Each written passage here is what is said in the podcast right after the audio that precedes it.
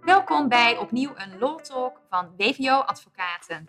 Vandaag gaan Pascal Willems, mijn collega, welkom Pascal, Hallo. en uh, ik, Annemarie Bussen, u uh, bijpraten of in ieder geval meenemen in toch wel een heel actueel onderwerp. We noemen het de do's en don'ts van The Voice of Holland. Het kan u eigenlijk niet ontgaan zijn dat er ontzettend veel reuring is ontstaan in Medialand over de nou ja, ongewenste omgangsvorm, het grensoverschrijdend gedrag, wat uh, uh, plaats zou hebben gevonden al uh, meerdere jaren bij dit zo populaire programma. En vandaag gaan wij u niet meenemen in alle strafrechtelijke definities en of zaken wel of niet bewezen kunnen worden. Maar wij willen heel graag vanuit een arbeidsrechtelijke bril met u kijken naar, nou ja, um, deze situatie, namelijk als je als werkgever geconfronteerd wordt met grensoverschrijdend gedrag. Um, eigenlijk willen we met u de do's en don'ts bespreken. En dat doen we ook aan de hand van een recente uitspraak van het gerechtshof Amsterdam uit oktober vorig jaar. Uh, een zaak die overigens ook wel de, de pers heeft gehaald, eigenlijk meer de schrijvende pers, want dat betrof een zaak over de literaire recensent van de Volkskrant, die grensoverschrijdend gedrag zou hebben uh, die zich daar schuldig aan zou hebben gemaakt. Waar uh, door de kantonrechter en door het Hof uh, toch wel een aantal nou, belangrijke zaken naar voren zijn gekomen. Ja, het, is heel interessant, hè? want bij de Voice, uh, voor een deel is dat natuurlijk een, een, werksituatie. Alhoewel de eerste meldingen nu komen van kandidaten. Die dus niet een arbeidsrelatie hebben, maar die dan wel, zoals het wordt gezegd, in een soort ondergeschiktheidsrelatie staan ten opzichte van de coaches en de bandleider. Ja, dat, uh, dat afhankelijkheidsaspect. Hè? Precies, ja. het ondergeschikte afhankelijkheidsrelatie. Voor hun carrière zouden ze ook afhankelijk zijn van wat de coaches en de, en de bandleider uh, zouden hebben gedaan. Uh, en hier is dus sprake geweest van meldingen, uh, waarbij dus uh, in dit geval de bandleider uh, heeft toegegeven dat hij bepaalde dingen heeft gedaan. Ehm, maar ik denk dat het nog steeds belangrijk is. we nemen dit op donderdag op, op de dag dat de uitzending van de YouTube-uitzending van Boos online komt. Die hebben wij dus nog niet gezien. Um, maar wat me wel opvalt in het hele debat is dat er heel veel dingen door elkaar heen worden gegooid. Hè. De strafrechtelijke kant, meldingen, de, ja, zou je zeggen, de erkenning, de bevestiging door de bandleider dat hij iets heeft gedaan. Maar wat hij dan heeft gedaan en wat er is gebeurd en of dat ongewenst is. Het loopt allemaal een beetje door elkaar heen. Uh, daar gaan we in, op die zaak niet specifiek in. Uh, want daar willen we zeker niet doorheen fietsen. Maar wel, het, het, is wel interessant om te zien van, nou, stel dat je als werkgever te maken krijgt met geruchten of een melding van ongewenst gedrag of grensoverschrijdend gedrag, wat niet per definitie hetzelfde is. Uh, laat staan grensoverschrijdend ongewenst seksueel gedrag, want dan komen heel veel elementen bij elkaar. Maar welke lessen kunnen we uit de, de rechtspraktijk, en met name dus aan de hand van die recente zaak van het Rechtshof Amsterdam, waar de rechters uh, heel mooi analyseren van uh, hoe zij naar de zaak kijken. Welke lessen kunnen we daarna uittrekken? Ja, en dan is het misschien wel goed dat, dat we heel even kort die, die zaak er gewoon bij pakken. Dat we kort schetsen wat daar nou aan de hand was. En dan, waarschijnlijk maken we dan wel een paar uitstapjes, maar dan komen wij vanzelf bij de, de zaken die door het Hof met name worden afgestraft wat de werkgever niet goed heeft gedaan en waar je dus als werkgever echt um, um, alert op moet zijn. Maar ook wat de, wat de werknemer uh, beter of anders uh, of misschien zelfs gewoon niet goed heeft gedaan. Hè? Ja. Want uh, het speelt allemaal in 2020, althans toen ging het spelen. Um, ja, dus en... het was al na MeToo. Hè? Laten, laten we het maar even, want dat was ongeveer vier jaar geleden. Dus dat... Ja, Klopt. En we hebben het dus over een uh, literair recensent die contact heeft met auteurs. Um, dus niet binnen dezelfde organisatie, maar wel een, ja, in het kader van, van de werkzaamheden een relatie.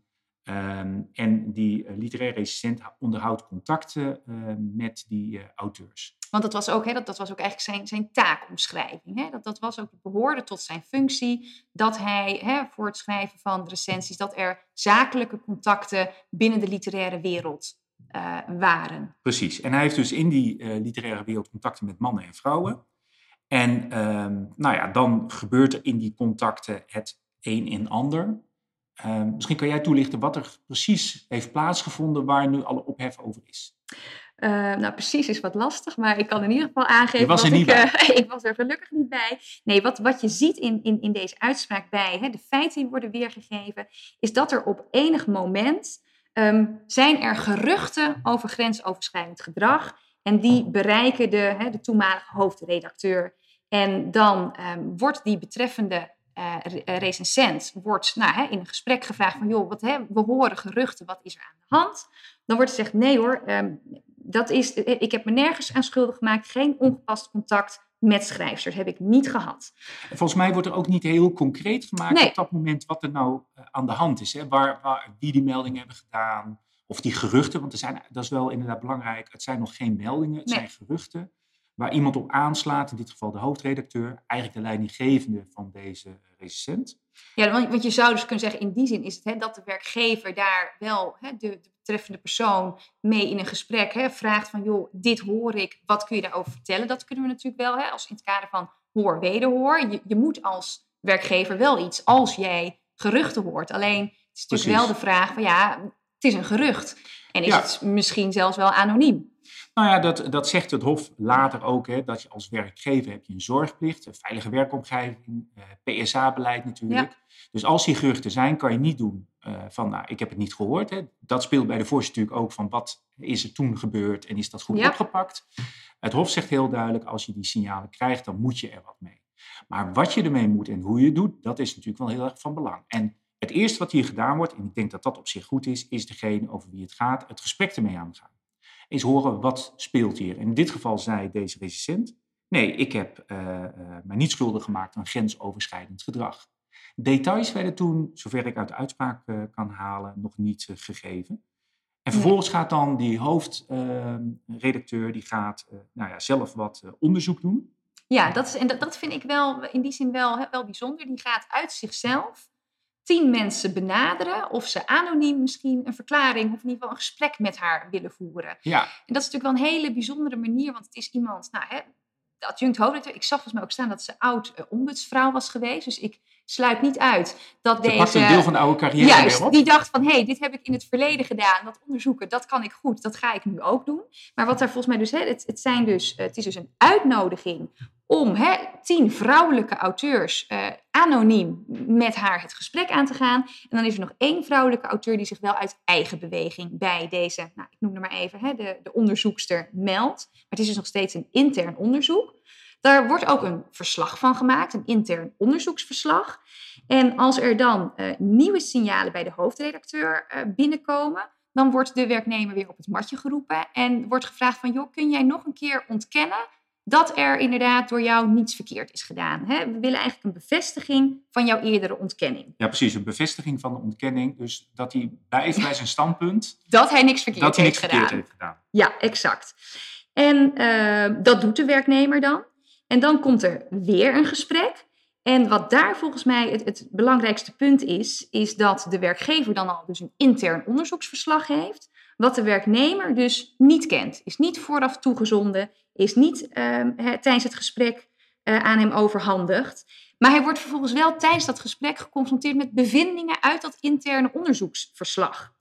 En uh, dan zegt deze werknemer ook tijdens dat gesprek van ja, ik blijf echt bij mijn standpunt dat ik geen grensoverschrijdend gedrag heb vertoond.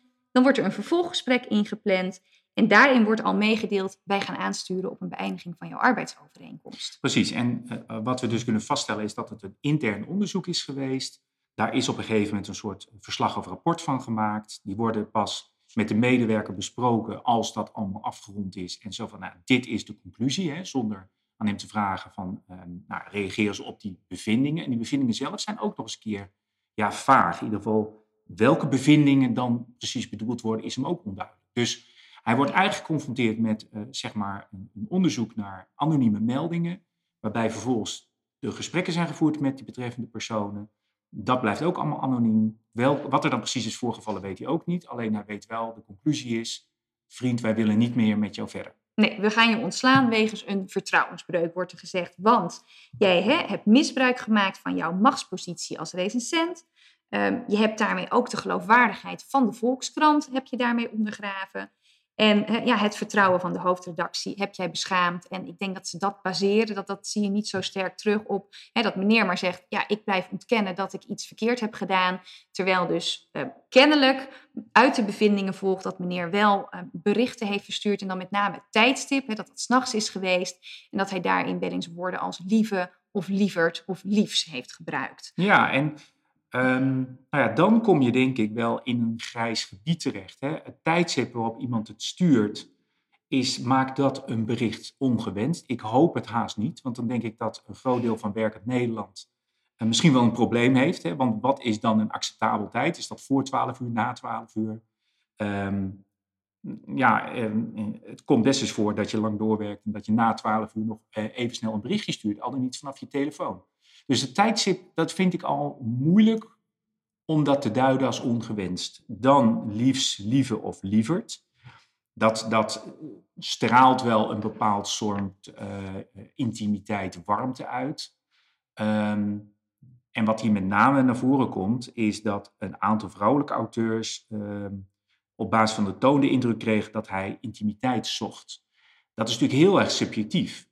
Ja. Um, meer dan dat er volgens mij niet in de uitspraak, dus dat maakt het heel lastig om te kunnen duiden. Ehm, maar als je het mij persoonlijk vraagt, dan vind ik dit wel heel erg dun, om dat als ehm, ja, seksueel ongewenst gedrag te zien. Misschien moet je het in een brede context zien, maar als je die elementen op zichzelf bekijkt, dan uh, denk ik dat bij heel veel organisaties ehm, er onderzoek zou moeten worden gedaan. Ik denk dat je het in een bredere context moet zien. Het hele totale gedrag van de medewerker. Uh, uiteraard de relatie die dan een rol speelt. Dat is hier natuurlijk ook een rol. Hè? Dat zegt het Hof op een gegeven moment ook van dat hij zich rekenschap had moeten geven. Dat ondanks dat het niet een werkgever-werknemersrelatie is. Deze auteurs zijn voor een deel natuurlijk toch afhankelijk van uh, wat deze recensent in de Volkskrant over hun publicatie gaat schrijven. Vergelijk het een beetje met de Michelinsterren die uitgedeeld worden. Ja, ja er, wordt, er wordt volgens mij echt letterlijk hè, aangegeven, recensies, ja, die kunnen een schrijver maken of breken. Dus um, hè, als zo iemand, zo'n zo'n recensent contact met jou zoekt als auteur of als schrijfster, ja, dan, dan krabbel je wel eventjes achter je oren om bijvoorbeeld te zeggen, nee, ben ik niet van gediend of um, ik heb helemaal geen belang erbij om bij deze persoon uh, toch een beetje positief naar voren te komen. Precies, dus die machts- of afhankelijkheidsrelatie of ongelijkheid in de relatie, ondanks dat het hier niet gebaseerd is op werkgever-werknemer, maar een andere speelt een heel belangrijke rol. Dat zie je ook bijvoorbeeld al in de ja, jarenlange uh, uitspraak als het gaat om docenten met leerlingen en zo. Ook daar speelt dat een belangrijke rol en dat zie je hier eigenlijk ook terugkomen. Ik denk dat je dat wel weer moet onderscheiden van uh, contact tussen bijvoorbeeld twee min of meer gelijkwaardige collega's. He, want dan ligt dat minder weer voor de hand dat dat een rol gaat spelen. Dan kan dat nog steeds ongewenst zijn, uh, maar dat element valt dan bijvoorbeeld wat minder weg of valt wel weg. Um, en dat speelt ook bij twee collega's die weliswaar een andere positie op een hoger niveau uh, vervullen, maar niet elkaars leidinggevende ondergeschikt zijn. Dan speelt dat ook weer wat minder. Nogmaals, dat maakt het niet minder, of dat kan het niet minder ongewenst maken, want ook dan kan je daar natuurlijk schuldig aan maken. Maar dat is wel een element, die afhankelijkheidsrelatie die een rol speelt in, in dit soort uh, soort zaken. Ja, en, en wat je in deze uitspraak ziet, want misschien kunnen we dan eventjes verklappen dat inderdaad de kantonrechter de arbeidsovereenkomst ontbindt, wel onder toekenning van een transitievergoeding van ongeveer 33.000 euro. Um, maar hè, waarbij eigenlijk de werknemer wel te horen krijgt van ja, wij vinden dit, hè, wij vinden dit echt niet kunnen, gelet op hè, de positie die je had, dat afhankelijkheidselement komt daarin terug.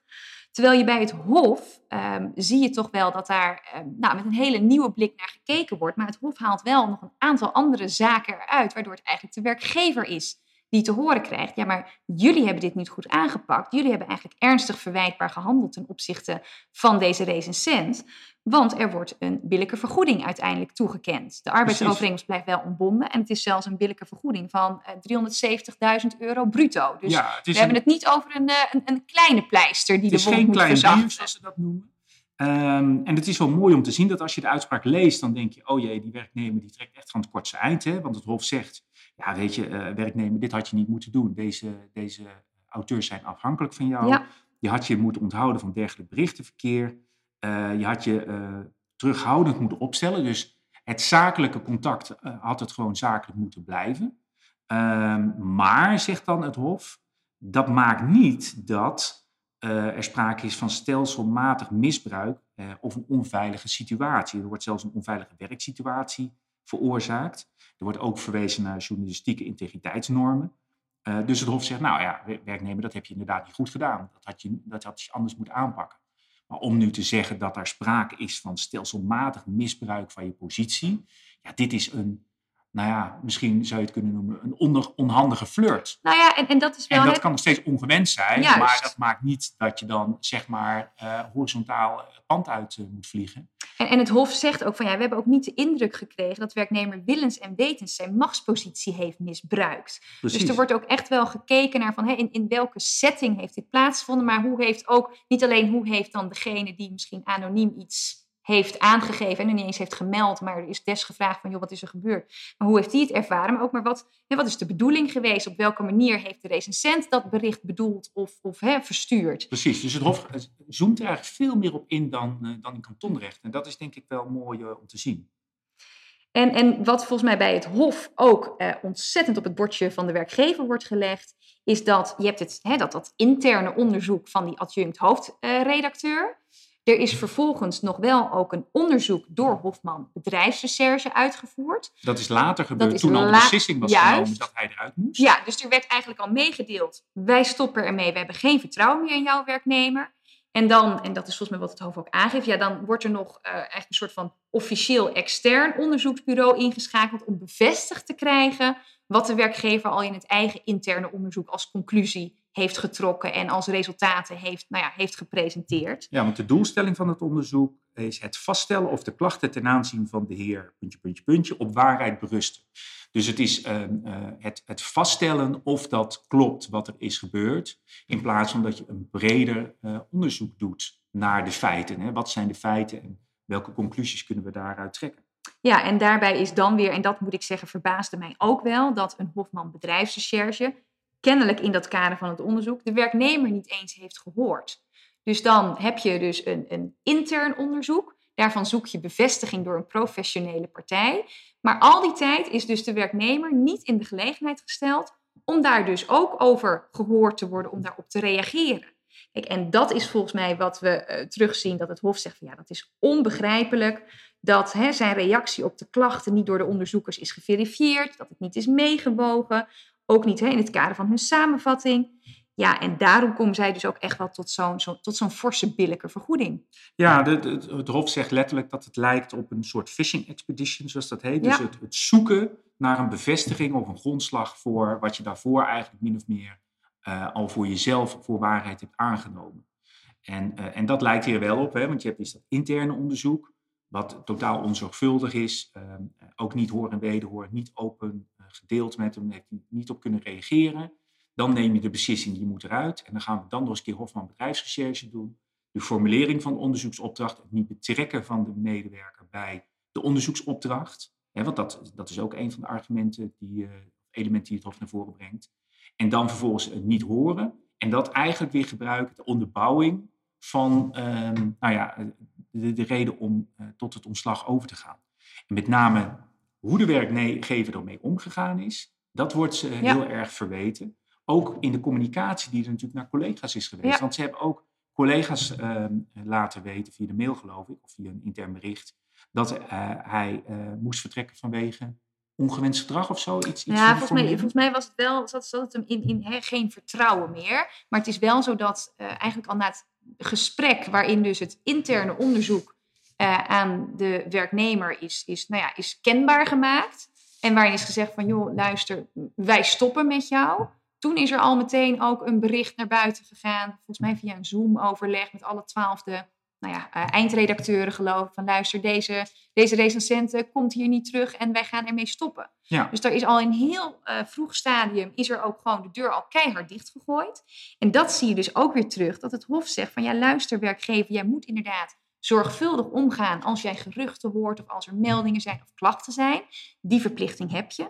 Maar je hebt ook de verplichting ten opzichte van de werknemer om reputatieschade te voorkomen. je moet ook meewegen de belangen die bij, voor, zo'n werknemer die al vanaf 2004 volgens mij een, een gevierd recensent is, dan moet je daar wel extra zorgvuldigheid betrachten ook aan de kant van de werknemer als goed werkgever zijnde. Ja. En daarvan wordt gezegd van ja, luister, je hebt op een buitengewoon onzorgvuldige wijze het interne onderzoek verricht. En daardoor heeft deze werknemer reputatieschade opgelopen. Ja, want als je gaat googlen ehm, op een recensent Ja. Volkskrant, dan eh, komt het hele verhaal naar voren. Ehm, je zou bijna kunnen zeggen, een goed journalist doet natuurlijk zijn onderzoek. Dus zoiets gaat in, denk ik, eh, de media ook snel rond. Dat zie je eigenlijk ook wel een beetje natuurlijk bij The Voice. Hè? Dat, dat vindt ook plaats in Medialand en dan duiken alle media daar ook meteen eh, bovenop.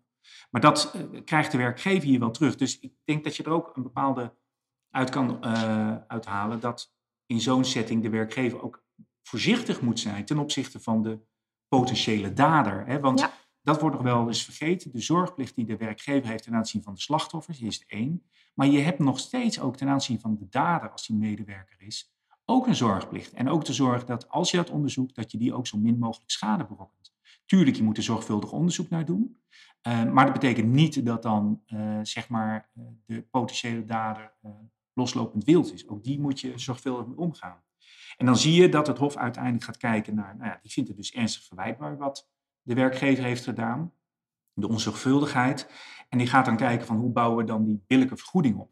En Ja. dat is ook wel een interessante, want ik las dat deze beste man geboren is in eh, 1960.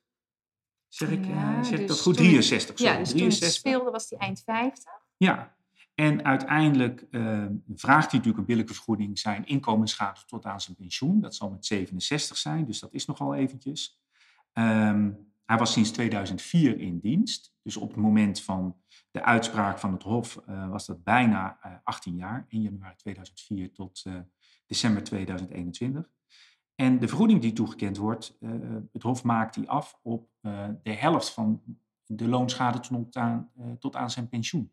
Ja, ja. Kijk, je ziet, je ziet daar dat het Hof wel ook allerlei elementen inderdaad benoemt. Dat stukje pensioenschade is natuurlijk de, grootste, nou ja, grootste schadepost.